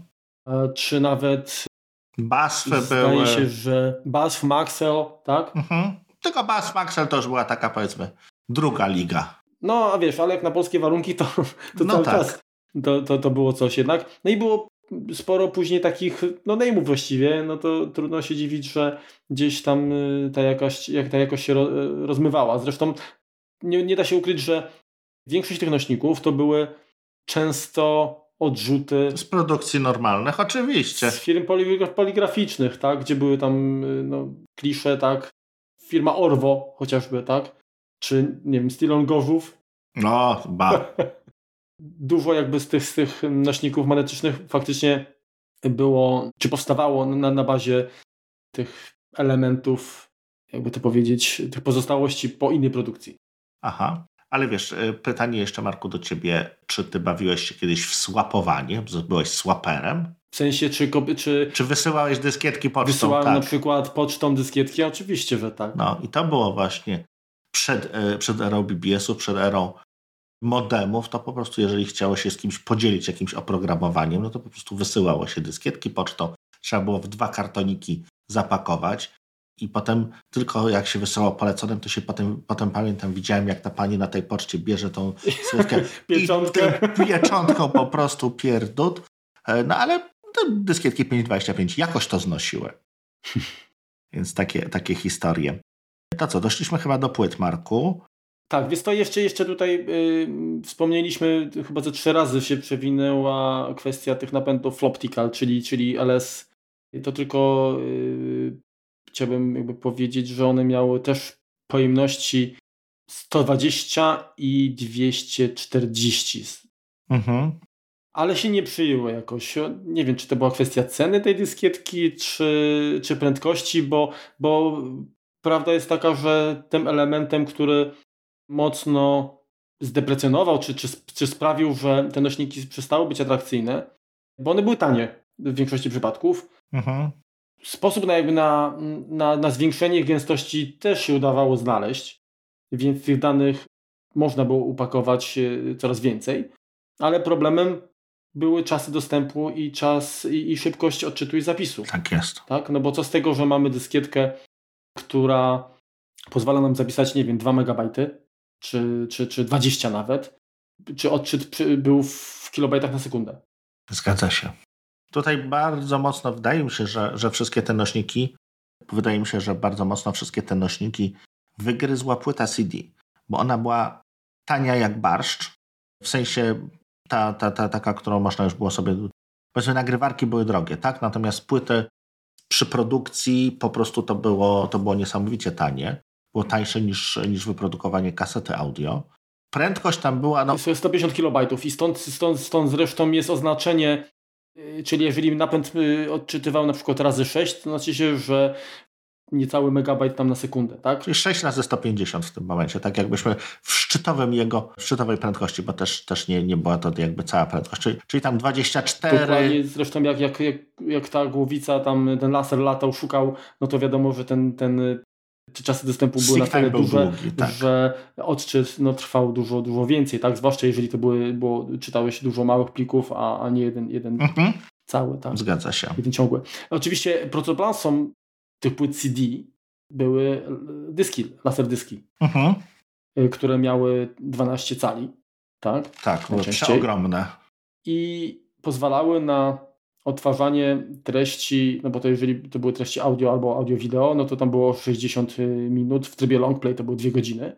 Ale były też małe y, laserdyski 8-calowe, czyli 20 y, cm, wtedy nie 30. Odpowiednio krótszym tam około 3 razy czasie. Dobrze pamiętam, że na nich był zapis audio analogowy. To znaczy tak sygnał wizyjny był zapisywany analogowo, a dźwięk był analogowo bądź cyfrowo zapisywany. Aha, dobrze. One były dwustronne. Mhm. Mniej więcej pojemność to było 320, 324 megabajty. Mhm. Takiej chyba dużej płyty z tego co tutaj To całkiem sporo. Y, widzę ale mówili, że te płyty wygryzły dyskietki. Natomiast ja chciałem zwrócić uwagę na to, że. Płyty CD. To, y, płyty CD, tak. Że, że one wygryzły dyskietki. Zgadza się, ale to jednak zajęło trochę czasu. To, to nawet nie chodzi o to, że, że na początku te napędy były drogie i płyty też w sumie, ale wydaje mi się, że to wynikało też z tego, że ludzie na początku nie wiedzieli, po co im nośnik o takiej pojemności. Tak naprawdę, bo te dyskietki funkcjonowały, tak? A co więcej, dyskietka miała, była dużo wygodniejsza, jeżeli chodzi, no tak, mogłeś zapisać, mogłeś usunąć. No tak. Wielokrotnie, a taką, taką płytę zapłaciłeś dużo więcej pieniążków niż, y, niż za dyskietkę, chociaż w produkcji one oczywiście były tańsze, ale mhm. za, za jakby nową technologię trzeba, trzeba płacić. No niestety ja zawsze się zrzymałem, jak to jest, że ten sam film na kasecie VHS kosztuje taniej niż na płycie, gdzie koszty produkcji VHS y, były wyższe niż, niż takie wytłoczenie płyty przecież. Tak? Zgadza się, zgadza się, tak. Więc y, tutaj niestety pierwsze komputery czy, czy konsole, które, były, które posiadały napędy CD, one wcale nie były dobrze przyjęte.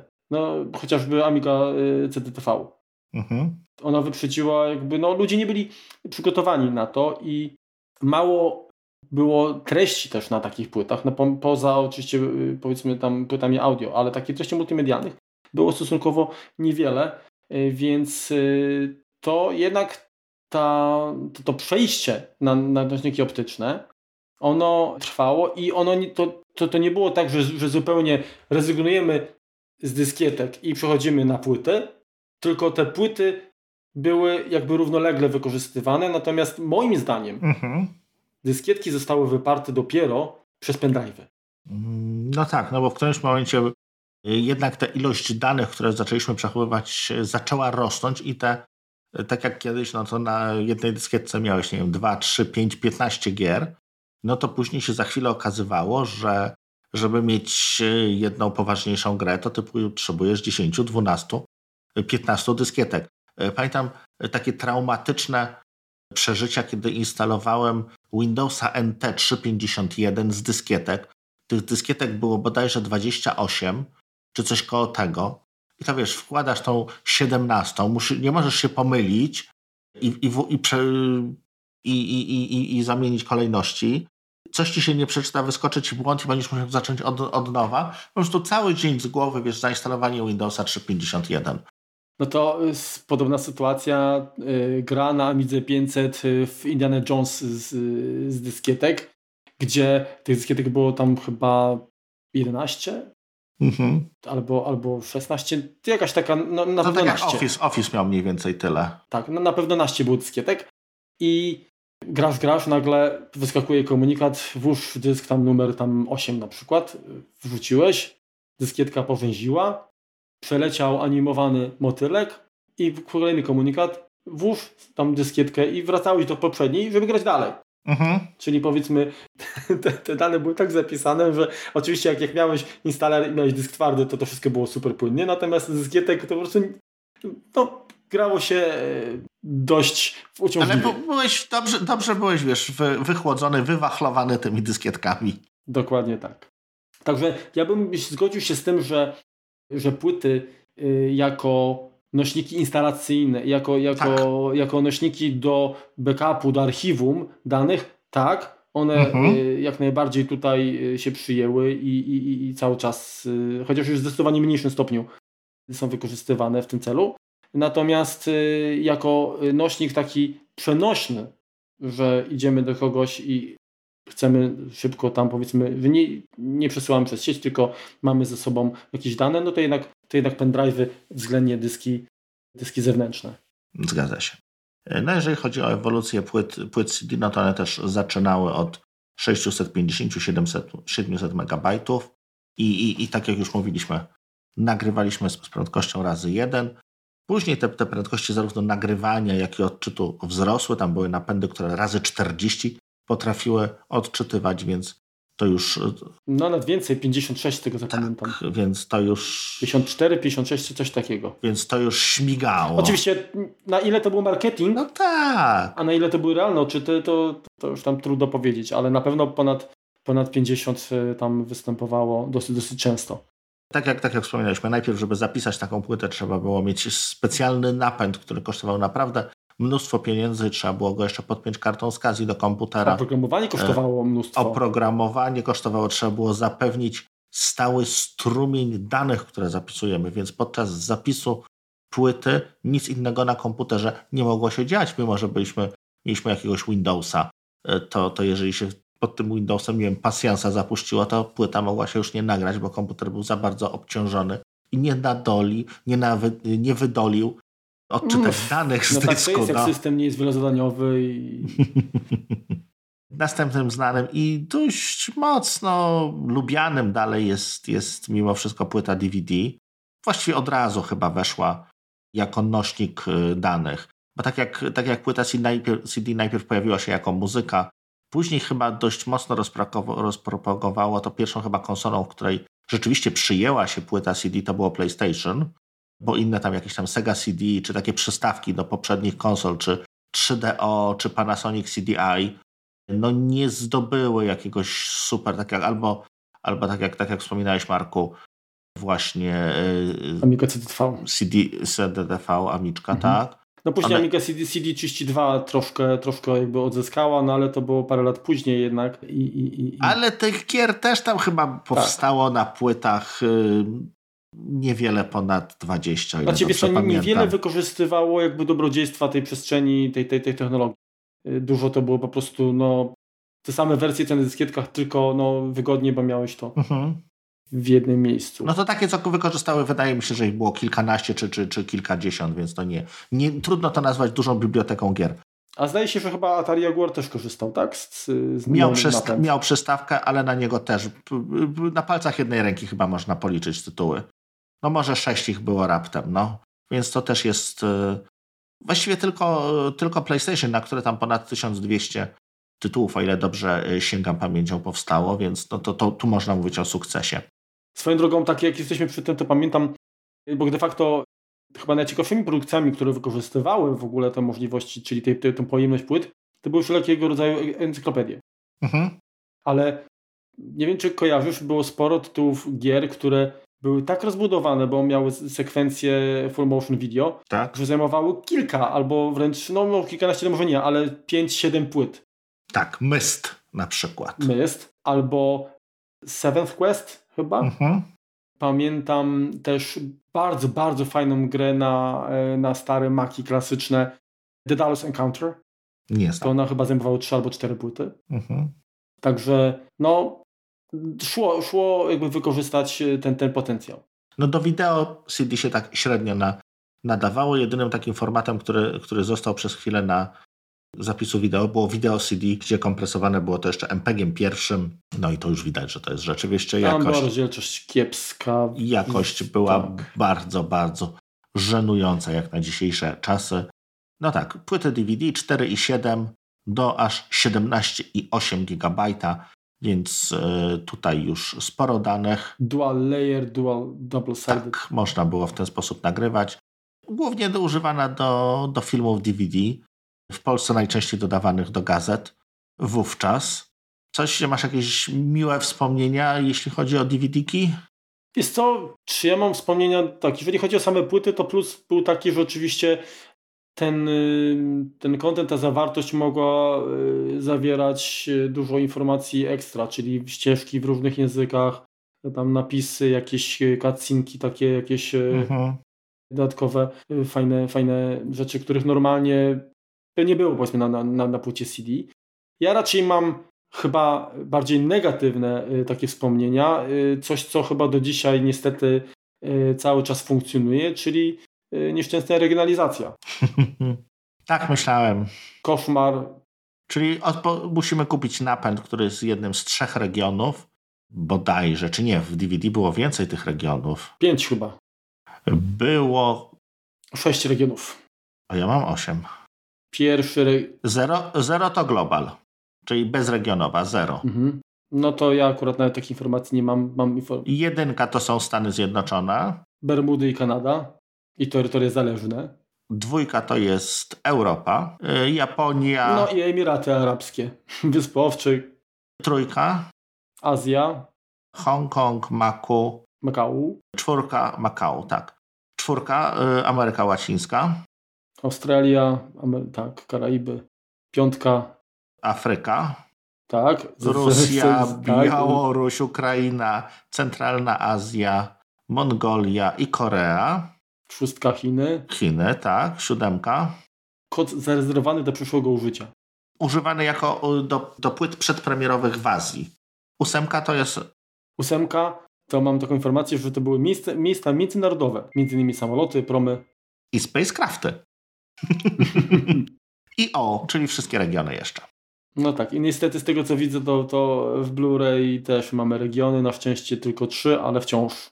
Tak, jeśli chodzi o, o Blu-raye, mamy już trzy regiony i region, region bez regionu, czyli tak zwany free, który możemy odtwarzać wcześniej. Ale najgorsze było to, że zarówno y, i płyta, jak i napęd musiały być z tego samego regionu, żeby się otworzyć, więc nie można sobie było kupić na przykład napędu w Stanach, żeby, żeby działał. Tam były jakieś takie haki, bo można było zmieniać region, tak uruchamiać jakieś biosy, które, firmware'y, które były multiregionami, znaczy, ale... Tak, generalnie to było tak, że nawet tam kilka razy można było zmienić, mhm. tam chyba do pięciu razy bodajże i ta ostatnia zmiana już powodowała, że, że no to już był ten ostatni powiedzmy wybór. Mhm.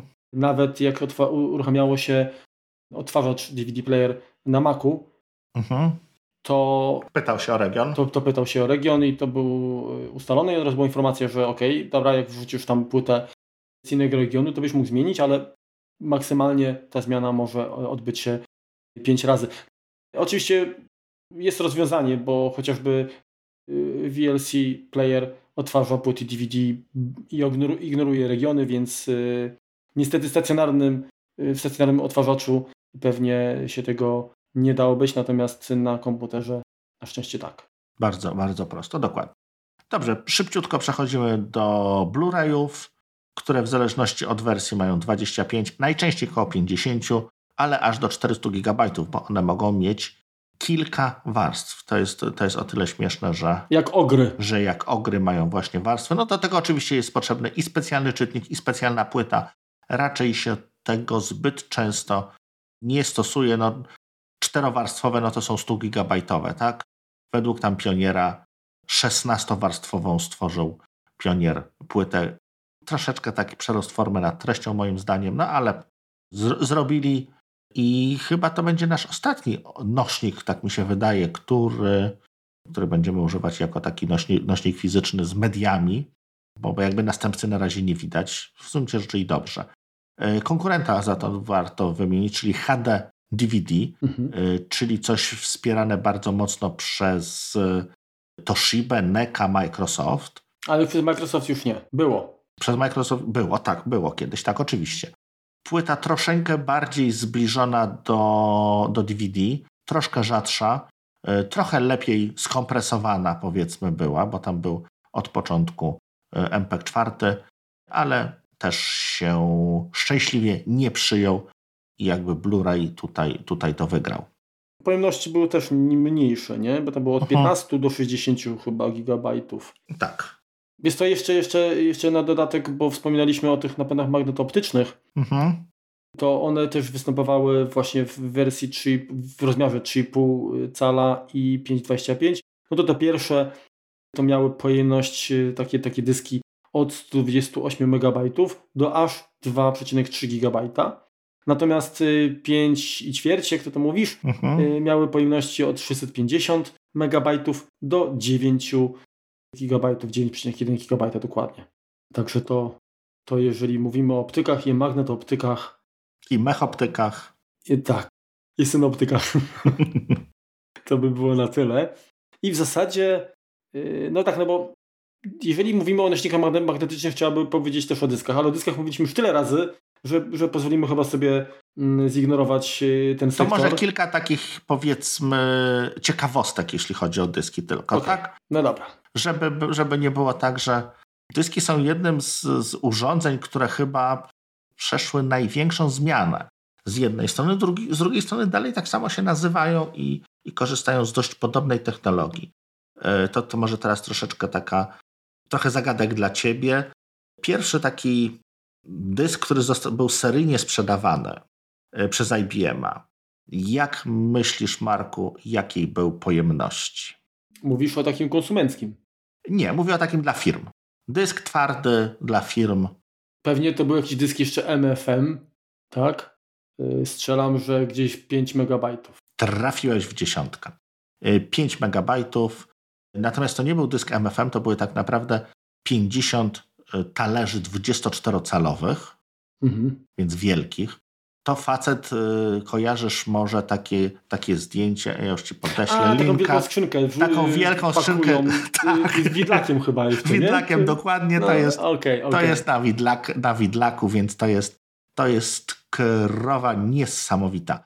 No ale teraz takie, takie zmiany. Jeśli weźmiemy pod uwagę wzrost, no, wzrost gęstości, tak, no to na początku 3,75 megabajta gęstość zapisu, to teraz na tej samej przestrzeni jesteśmy w stanie zapisać 18 terabajtów danych. Więc no to jest 4,8 miliona razy więcej. To jest science fiction. No jest. 5 milionów razy więcej w przeciągu 60 to jest 40, a tu jest 20. 64, 64 lata. To jest 60 lat, dokładnie. Przez 60, 64 lata jesteśmy w stanie w ten sposób powiększyć. No to jest, to jest nie, nie, niesamowite. Jeżeli chodzi o upakowanie fizyczne, bo to była wielkość jakby sformatowana, jeżeli upakowanie fizyczne na, na metr sześcienny, mhm to już nie będę tutaj zmieniał, to ono wyszło 56 tysięcy do jednego. Czyli tak, tak, tak bardzo zwiększyliśmy gęstość. Jeżeli chodzi o wagę, to zmniejszyliśmy 15 tysięcy do jednego. E, więc no to, są, to są niesamowite wartości i, i jak spojrzymy na prędkość procesorów i pojemność i tego, jak mocno się tutaj to, to zmniejszyło, to również tutaj ten storage no, no zrobił niesamowity, niesamowity przeskok. A powiedz, y, pamiętasz y, w jakiej cenie on był y, sprzedawany? Mm, wiesz co, to musiałbym, no, nie pamiętam, musiałbym spojrzeć w... No na pewno to był gruby tysiące dolarów. Och, dziesiątki podejrzewam tysięcy dolarów. No ale też należy pamiętać, że dyski twarde są dalej rozwijane. To nie jest technologia, jest to technologia wychodząca, jeżeli chodzi o, o nasze komputery, natomiast ona dalej zostaje czy w serwerowniach, czy w jakichś właśnie NASach i cały czas jest rozwijana. To, co nas czeka w przyszłości, no to bo tak jak teraz mieliśmy te zapisy SMR i CMR, to są nowe jak gdyby pomysły zapisu danych. To jest HAMR, które lada chwila się może pojawić, gdzie oprócz tego, że jest zapis magnetyczny, to jeszcze jest podgrzewane laserem, żeby. Yy... Czyli znowu magnetoptyk. znowu wracamy tak do, do tego, żeby, żeby te, te elektrony lepiej się ułożyły, no to trosze, troszeczkę im przypalimy tyłeczki i ewentualnie Western Digital pracuje nad jeszcze techniką MAMR i jeszcze jest TDMR, więc tych technik, y, które są jak gdyby w przyszłości, to, to jak na razie na tych wykresikach wygląda na to, że 80 terabajtów spokojnie dysk będziemy mogli za kilka lat kupić, czy tam za dekadę, czy półtorej, więc to, to cały czas się rozwija. Teraz chyba na 18 terabajtach kończymy, ale tutaj nie musimy się martwić, że, że dochodzimy do jakiejś ściany. Są nowe pomysły na, na trzymanie danych, na, na zwiększenie gęstości, zwiększenie prędkości ich, ich, ich odczytu, ich, do nich dostępu, więc, yy, więc tutaj yy, no nie jesteśmy skazani na, na pamięci flash.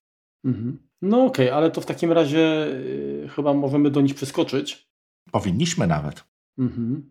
Bo tutaj też sporo zmian zaszło. One stały się teraz jednak bardziej przystępne. Aczkolwiek mniej trwałe.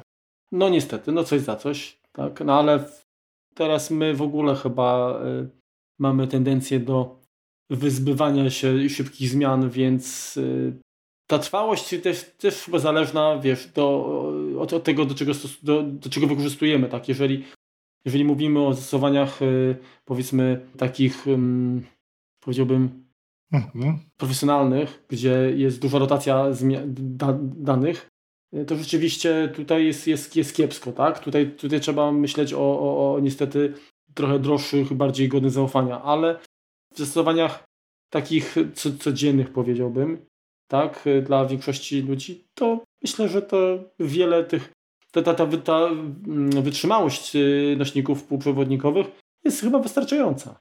No, zależy, zależy, tak. Oczywiście zawsze jest szczęście egzemplarza, tak? Dokładnie. Natomiast y, powiedz mi, jaki był... Jednak QLC bym dalej nie kupował, no przepraszam. Nie, no. nie, nie wiesz, to, wiesz te, te wynalazki takie, które jakby ta gęstość opakowania jest tak w zasadzie sztucznie tutaj realizowana, to jestem też daleki od, od tego i mam nadzieję, że niestety, że niestety, że, że y, gdzieś tam ta droga zostanie, zejdziemy z tej, z tej drogi na manowce, tak? Mhm. Ale moje pytanie jest, Remku, y, do Ciebie takie, Jaki, jest, jaki był Twój pierwszy kontakt z pamięcią półprzewodnikową? Jako magazyn danych, nie mówię o BIOSie. Nie, no bo BIOS, BIOS był we promie. BIOS był we promie, ale to we flashu mówisz, kiedy, kiedy pierwszy raz No to pewnie był jakiś pendrive. To był pewnie pendrive, który miał, nie wiem, pewnie z 32 MB czy 16 MB. Mhm. A powiedz mi, bo może się mylę. Mhm. Czy kartridże stosowane y, na przykład w Atari, one nie były... Yy... Nie miały flesze. Nie, flesze są późniejsze. Okay. One tam, kartridże miały zwykłe, zwykłe ROMy, zwykłe pamięci ROM, one były zaprogramowane, to nawet nie były wypalone, one były w fabryce jak gdyby. Okay. W ten sposób y, stworzona, stworzony układ scalony, że miał coś w sobie zapisanego. No tak, ale to też y, mi się przypomniało, bo rzeczywiście yy, kilka gier miałem okazję z takich kartridży uh-huh. pograć. Zresztą w konsolach, które u Ciebie chyba są też mnóstwo NES-ów tak, i tak dalej, tak. to one też korzystały z kartridży właśnie jako, jako, jako nośników danych przecież. Przy czym tam był też... no właśnie kwestia tego, że tam był ten y, stosunkowo tani tani zapis, no bo to były układy scalone, które były po prostu przystosowane. Na nich była jedna rzecz zapisana, one nie były reprogramowalne, one były mm-hmm. jakby tłoczone od razu w fabryce y, z, z jednym z zapisanym, z jedną zapisaną wartością. Okej, okay, ale y, bardziej mi chodziło też, że, że, że, skoro mówimy o pamięci półprzewodnikowej, no to w tym momencie ten układ scalony też jest półprzewodnikiem. Mhm. Także nie jest to, nie była to pamięć flash, tak, jak, jak, mhm. jak teraz mamy, czy jak, jak powiedzmy karty pamięci i tak dalej, ale jak najbardziej jest to ten, ta kategoria nośników, prawda? Nie, no bo ona nie jest zapisywalna, to jest, to jest ROM. Ale ROM jest półprzewodnikiem. Półprzewodnikowy, tak, no dobrze, no ale no w tym momencie pan. No, no tak, o, to, tak. o to mi chodzi, tak, tak. No dobra, to pendrive. I masz rację, bo ja też faktycznie y, dopóki. Znaczy, dyski SSD to dopiero później, że tak powiem, pojawiły się, bo dopiero później stały się przystępne cenowo, a pendrive'y były tymi pierwszymi właśnie urządzeniami czy, czy, czy nośnikami, które pozwalały przede wszystkim wygodnie i dość szybko w porównaniu z dyskietką czy z płytą y, zapisywać y, dane i oferowały przyzwoitą pojemności już. Mhm. Dokładnie. Do, do, do, dość szybko były stosunkowo duże i dość szybko były stosunkowo tanie. Interfejs pierwszy wykorzystywał jeszcze USB 1.1.1, więc one do najszybszych nie należały, natomiast były zdecydowanie i tak i tak szybsze niż, e, niż dyskietki. Mhm. I w zasadzie, jeżeli mówimy o, o, o pamięciach flash, półprzewodnikowych, no to, no to mamy nadal pendrive'y, mamy y, karty pamięci SD, mhm. no i, i, i pochodne, tak? Y, natomiast chyba SD najbardziej się mimo wszystko rozpowszechniły. Już teraz mikro SD. Tak, Ale czy mikro tak. Bo mhm. są jakieś XD, tak, Olympusa na przykład, czy, czy, czy, czy jakieś... Już przestały być. Mikrodisk, nie, nie, nie, jak się nazywał? MC? MMC, MMC. To jest pr protoplasta SD. To, to Sony. Od Sony to się nazywało... Microstick? Microstick, dokładnie. No właśnie. Mhm. Compact flasze. Compact flasze są powiedzmy dalej używane w fotografii. niektórych bardziej zaawansowanych aparatach, tak, ale również, również już znikają jak gdyby po pamięci, pamięci S, y, microSD czy SD. Y, no, uzyskują dodatkową prędkość, dodatkową przepustowość i, i jak najbardziej nadają się do, do, do zapisu nawet jakichś takich dużych strumieni danych. Mhm. Teraz jakimś takim powiedzmy najszybszym nośnikiem, który konkuruje z, z właśnie z kartami SD jest CF Express, czyli takie to połączenie Compact Flasha troszeczkę z kartą Express Card. Ale tych, tych kart było, było mnóstwo, było jakieś tam Smart mhm. Media, Toshiba, przez Toshibę stworzona, tak jak mówiłem, to MMC, SD, które, które teraz Memory Stick wspominaliśmy, były P2, Panasonica jakiś wynalazek, Sony X, XQT, coś tam. XD, XQT, jakiś tam Universal Flash Storage. Popularny został, został właśnie zawsze SD, czy, czy, czy, czy to microSD. Mhm. I, właściwie no, Vita miała swoje memory karty, do, do Nintendo Switch ma swoje karty pamięci jakby.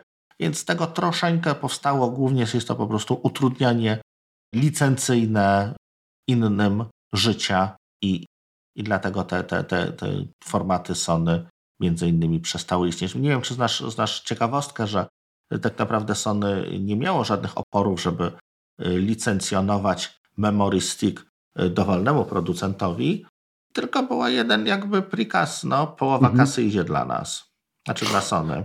Więc one no. automatycznie były po prostu dwukrotnie droższe. Więc stąd, e, stąd po prostu no, nie miały szans e, Bo zawojować. swoją kurę zarżnęli, krótko mówiąc. Tak, dokładnie. No, chytry dwa razy traci. No właśnie, i teraz tak, jeżeli mówimy o pendrive'ach i o kartach pamięci, to one mają swój, swoje zastosowania, ale one nie zastąpią nigdy dysku, uh-huh. Bo mają pewne ograniczenia, tak? Czyli na przykład ilość e, operacji, czy szybkość operacji zapisu i odczytu. Tak, prawda? Tak, tak, tak. W ogóle bufor, tak? Bo mhm. dobry, dobry dysk flash, dobry kontroler SSD posiada z jednej strony bufor i posiada możliwość kolejkowania tych operacji, czyli, czyli może je wykonać nie w tej kolejności, w jakiej zostały mu wydane. To co, to, co zabija tak naprawdę wszystkie takie nośniki typu, typu pendrive czy karty pamięci, to jest przede wszystkim y, kwestia jednoczesnego zapisu i odczytu. One są jednak przystosowane do tego, że albo dane zapisujemy, albo odczytujemy, więc one działają stosunkowo szybko, ale w jednym kierunku. Jeżeli zaczniemy robić dwie operacje na, takiej, na takim pendrive'ie, z jednej strony coś będziemy kopiować, z drugiej strony będziemy coś zapisywać, on po prostu stanie słupka, zacznie, zacznie się bardzo grzać, zacznie po prostu bardzo, bardzo wolno pracować, na co dysk twardy no nie może sobie pozwolić, ponieważ no cały czas podczas działania systemu operacyjnego no mamy zarówno zapisy, jak i odczyty, więc on musi sobie jakby od razu z tym, z tym radzić. Mhm. No dobrze, i dochodzimy do dysków i tutaj no, dyski SSD, y, M2 i, i w zasadzie dyski, które są wlutowane w procesie jakby produkcji urządzenia. Mhm. Zgadza się. Poza SSD mamy jeszcze jakieś nowe pomysły, które troszkę średnio się jednak przyjęły. To jest pomysł taki 3D X-Point sprzedawany pod marką Optane y, przez Intela i, i Microna. Chyba teraz już samego Microna, y, o ile dobrze pamiętam. Y, to jest taka troszeczkę hybryda dysku SSD i pamięci, pamięci RAM. Już też o tym kiedyś opowiadaliśmy. Z niego się po prostu niesamowicie szybko odczytuje. Więc to, to miało zawojować świat. Niestety również cena troszeczkę zabiła tąże technologię i aktualnie nie wiem, czy jest jakoś bardzo mocno rozwijana. Ale jest to tak, myślę, że warto byłoby już tutaj się zbliżać do podsumowania, bo tak naprawdę po co ten odcinek był? Po to, żeby jakby sobie uświadomić, ile tych nośników na przestrzeni dziejów pożegnaliśmy właściwie. Mieliśmy, pożegnaliśmy, tak? Mieliśmy do czynienia, bo tak naprawdę dzisiaj w użyciu takim na co dzień, no to są dyski SSD. E, dyski talerzowe oczywiście też w naszych sprzętach, bądź w tych droższych, w sensie mhm. Y, macierzy dyskowych. Pendrive'y, karty pamięci, z uwagi chociażby na gabaryty. Pamiętam jak ostatnio, y, no nie ostatnio, nie, nie tak dawno, hmm, chwaliłeś się na Twitterze zakupem chyba terabajtowej karty? Terabajtowej karty, tak. No to wielkości paznokcia, no to, to jest szok po prostu, jak, jak ta miniaturyzacja poszła. Płyty optyczne, mimo wszystko coraz rzadziej. Powiem Ci szczerze, że no nawet ciężko jest znaleźć komputer, który posiada napęd optyczny. Zgadza się, no wiesz, jak kupuję jakąś, jakieś urządzenie i dostaję instrukcję na płycie CD, to kręcę nosem, bo muszę szukać po szafkach, gdzie ja mam tego CD-ka. I to jest też, wiesz, kwestia, tak jak, jak, jak wspomniałeś o tych gazetkach, gdzie często te gazetki się sprzedawały dzięki płytom, które były dodawane. Ależ oczywiście. Yy, no to dzisiaj co, no będą dawać pendrive'y? Teraz już mogą dodawać tylko kod. Mm, zgadza się. Czyli Bo... troszeczkę wracamy do tego, że mamy, tak jak y, pamiętasz kiedyś w Bajtku czy, czy w innych gazetach mieliśmy, można sobie było wpisać program w Basicu. Tak. I w ten sposób właśnie też, też przekazać informację. No to teraz nie musimy podawać całego programu, tylko podajemy. I teraz właśnie, dlaczego tak się stało? No bo tak naprawdę każdy z tych nośników ma jakieś zalety, ale ma też mnóstwo wad. Mhm. I jeżeli mówimy o na przykład nośnikach magnetycznych, no to po pierwsze wrażliwość na pola magnetyczne, temperaturę. To są często dyski czy dyskietki, które wymagają czytnika, y, gdzie są elementy ruchome, które są też wrażliwe na wstrząsy, które są wrażliwe na mechaniczne uszkodzenia, które mhm. no, też mają zapotrzebowanie na energię dużo, dużo, dużo wyższą, mhm. tak większą niż, niż powiedzmy napędy półprzewodnikowe. Jeżeli mówimy o płytach, y, o, o dyskach optycznych, no to często kiepska jakość płyt powodowała, że one teoretycznie miały wytrzymywać lata, wieki wręcz, a szybko się utleniały. Tak? W sensie. Zgadza się. To jest właśnie taka ciekawostka, że jak kilka lat temu przekrzebywałem moje archiwum płyt CD, dużej bardzo ilości płyt CD, może sprecyzuję, to te pierwsze 10-20, które nagrywałem jeszcze chyba na, na takich złotych kodakach, które były no niesamowicie drogie. Mhm. No ale to było jedyne, które się dało kupić. E, czytały się jak złoto. A im dalej, im te płyty były nowsze, tym był większy z nimi problem.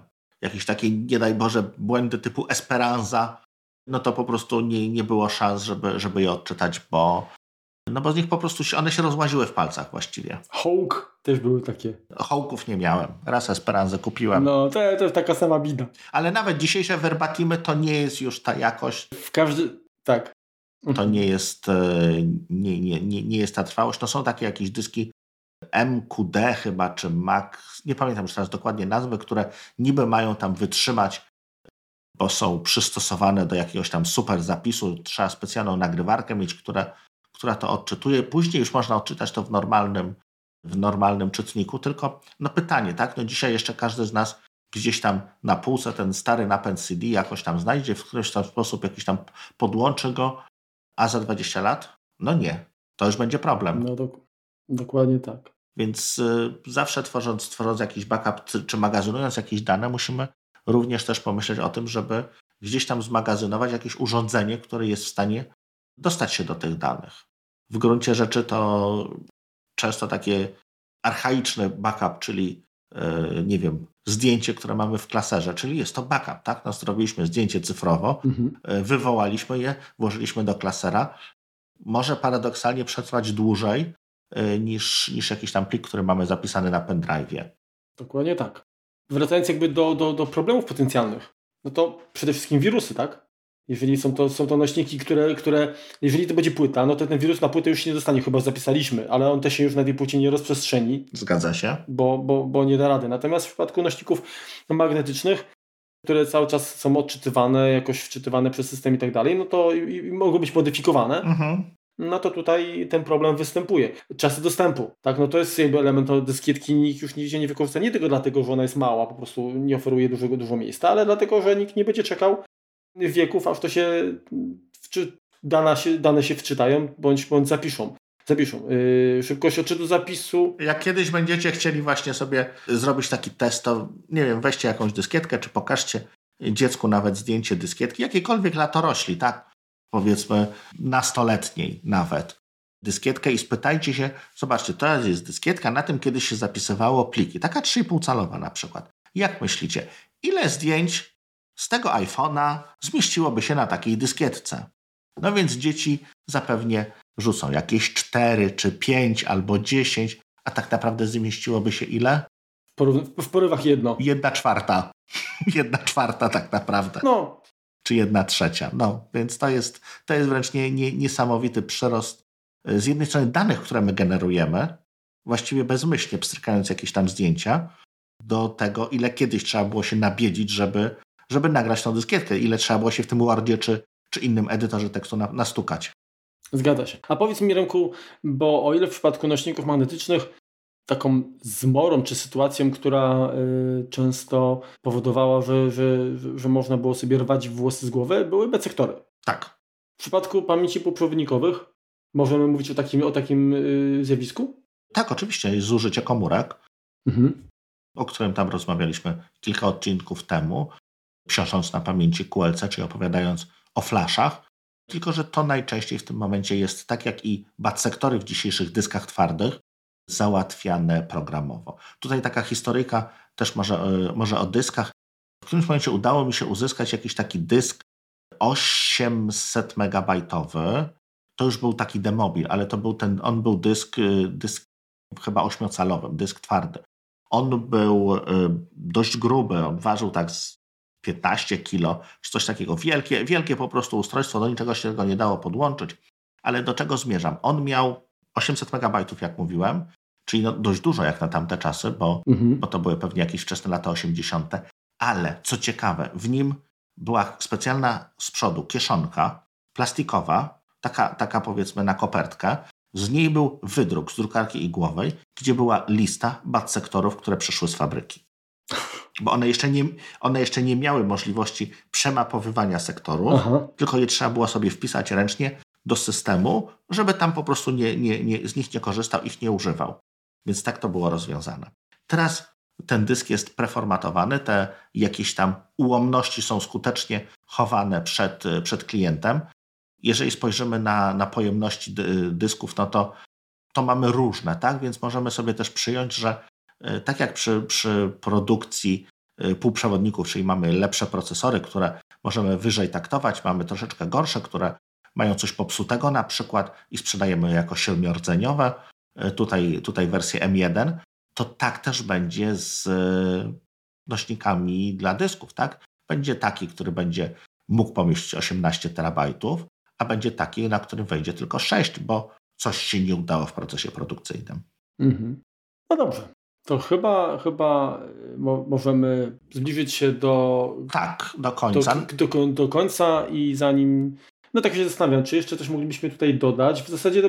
Wiesz co, na zakończenie, że właściwie trzeba pomyśleć. Zawsze, zawsze przy tworzeniu kopii to 3, 2, 1, tak? Trzy kopie wszystkiego na dwóch różnych nośnikach, jeden offsite. I właśnie na tych dwóch różnych nośnikach właśnie zastanówmy się, czy, czy to spełniamy, tak? Czy, czy za chwilkę nasze dane y, po prostu nie będziemy mogli odtworzyć. Warto też pamiętać, że taki dysk twardy położony na półce, czy taka, taki pendrive położony na półce również nie jest odporny na starzenie się. Mhm. To, że dysk położymy, to nie znaczy, że on nam się po, nie wiem, 5-10 latach zacznie bujać znowu, jeżeli podłączymy do niego prąd. Warto, żebyśmy co, co jakiś pół roku, co rok po prostu sprawdzali, czy te dane dalej tam są, czy te dane się czytają. Nawet pole magnetyczne Ziemi ma wpływ na, nośniki magnetyczne, szczególnie jeżeli one są po prostu nie kręcą się, jeżeli sobie leżą gdzieś na półce. To co, quick tip? To quick tip. To dajesz, Marku, teraz dla ja? Ciebie. No a co? O, ty zawsze, zawsze dajesz. Ja jestem quick tipowy. Dobrze. Jeśli chodzi o quick tipa dotyczącego naszego sponsora, czyli, czyli firmy Synology, w Synology się chwali ostatnio na wszystkich kanałach, które do nas docierają, że wprowadzili nowe urządzenia z serii RS, czyli Rack Station 2421 Plus, 2421 Plus RP, czyli 12-kieszeniowe y, serwery 2U stworzone dla środowisk biznesowych. To RP Plus oznacza, że ma dodatkowy mm, zasilacz. Mhm. Oraz nowe 16-kieszeniowe już w tym momencie zajmujące 3U to są RS 2821 RP. Plus. Plus, oczywiście, wszystkie są na plus. Czyli Rackstation, jeżeli macie duże szafy takie dystrybucyjne, tak, to, to są to właściwe modele do tego, które oczywiście tutaj, jak producent się chwali, są y, znacząco szybsze, oferują większą przepustowość. Jak zwykle, szybciej, szybciej lepiej, więcej niekoniecznie drożej. Y, one posiadają, co, co ciekawe, te 24-21, one są zbudowane y, przy y, pomocy procesorów AMD Ryzen, te drugie też. Czyli to są procesory te, które, które znajdują się na przykład w DS-ie 1621 Plus i 1821 Plus, natomiast wyposażone są dodatkowo te Rackstation w kontrolery większe RAID i znacząco więcej dysków. Stąd, stąd właśnie dedykowanie ich do. To cóż, e, bardzo Wam dziękujemy za, za wysłuchanie kompotu. Pro, przypominamy się z ocenianiem nas w aplikacji podcasty. E, jeśli mielibyście jakieś problemy z nowymi odcinkami, e, które nie pojawiają się zbyt regularnie, polecamy zmianę odtwarzacza podcastów na, na jakiś inny, bo ostatnio no, są problemy z podcastami Apple'owymi. Widać, że te zmiany zapowiedziane na ostatnim kinocie niestety jeszcze trochę chyba potrwają, tak jeżeli chodzi o, o, o reorganizację. O stabilność tego, yy, tak. Tak. A myślę, że też myślę, chciałbym dodać w imieniu, myślę, Remka, bo się zgodzi. Jeżeli brakuje Wam jakichś tematów, uważacie, że są interesujące, a my ich jeszcze nie poruszyliśmy, to dajcie nam koniecznie znać. Pewnie, że tak. Zawsze staram się wyjść Wam naprzeciw. A co? Ktoś musi. Dobra, bardzo dziękujemy. Y, słyszymy się za tydzień. Kontakt z nami to jest y, w każdej stopce, więc jeżeli byście się tam gdzieś zagubili, to, to zobaczcie na opis. Na pewno, na pewno znajdziecie tam, w jaki sposób nam to można podpowiedzieć. Trzymajcie się. Na razie. Cześć. Hej, hej. Dobrego dnia. Hej, cześć. Dobra, słychać mnie? Troszkę cicho, ale chyba słychać. Hmm, słychać, słychać. Ja ciebie nie wyciszam. Ktoś mówić musi. Dobra, to, to o tym podziale to później powiem, bo zacząłem od tego już. Mhm. Czyli to y, pismo, z, jak ono się nazywało? Z takich tych trójkącików? Klinowe? Tak, więc przepraszam. Zaraz, bo mnie rząd dzwoni. No dobra, nie jestem, to już, to już tam jest, jest, jest szczegółów. Co o niej można powiedzieć? Cholera, nie wiem. W ogóle cię przez chwilę urwało. Miejsce ci się skończyło? Słyszycie? Loud and clear. No to, to teraz muszę wrócić do tego tematu. Dobra. PC-towe miały 1,2 terabajta. Terabajta? Dyskietki HD. Y, co ja? Ten. Gigabajta. PC-towe miały pojemność 1,2 gigabajta. Aż, aż do 1,2 gigabajta? Jezus, megabajta, co ja chrzanie? To jeszcze raz, trzecia próba. Na początku 150 megabajtów, tak? Na sekundę, więc e, tak, w DVD było regionów... To u mnie coś pika, czy u ciebie? Co, co ci tak pika ciągle? No już, już, przepraszam, już. Bo to będzie ciężko wyciąć później. Wiem, wiem, wiem, sekundkę. Na touchpadzie z boku. Dobra, czekaj, mam, mam już włączony. Na, dobra, nie będę mówił na co, bo nie wiem na co. 70 lat, 50 lat właściwie, bo to jest od 60 roku, 1957 do 2000, czyli to jest 30 lat. 30, 60, kurde. Dyski twarde nie odchodzą, jeśli chodzi o historię. E, czekaj, jak co muszę powiedzieć? Czekaj, czekaj. PMR. No, poza tym co? Dysk... Poczekaj sekundkę, sekundkę. Muszę o czymś powiedzieć. Alfa 7.3. Hmm. Jest jeden jeszcze format, o którym warto wspomnieć. CF Express, dokładnie. E, Wiesz co, tak przy okazji, y, wiesz, nie wiem czy to już Ci mówiłem, ale wiesz, że y, pieski zanim się załatwią, to tak się kręcą i szukają właśnie też, wystawiają Cooper na północ? A niekoniecznie na północ. A ja sprawdziłem i, i rzeczywiście to była północ. Widzisz, a ja, ja znam pieski, które tak długo się, które dokładnie Ci wskazują skąd wiatr wieje, bo, bo nie lubią zapachów, które same generują. Więc tak też bywa. Ja sprawdziłem z kompasem. Naprawdę, odpadł specjalnie w komórce i rzeczywiście, także wiesz, jakby co, jakby się gdzieś zgubił, bateria by siadła, to dobrze mieć psa przy sobie, bo w tym momencie jak go przyciśnie, to będziesz wiedział, gdzie jest północ. Którędy do Szwecji.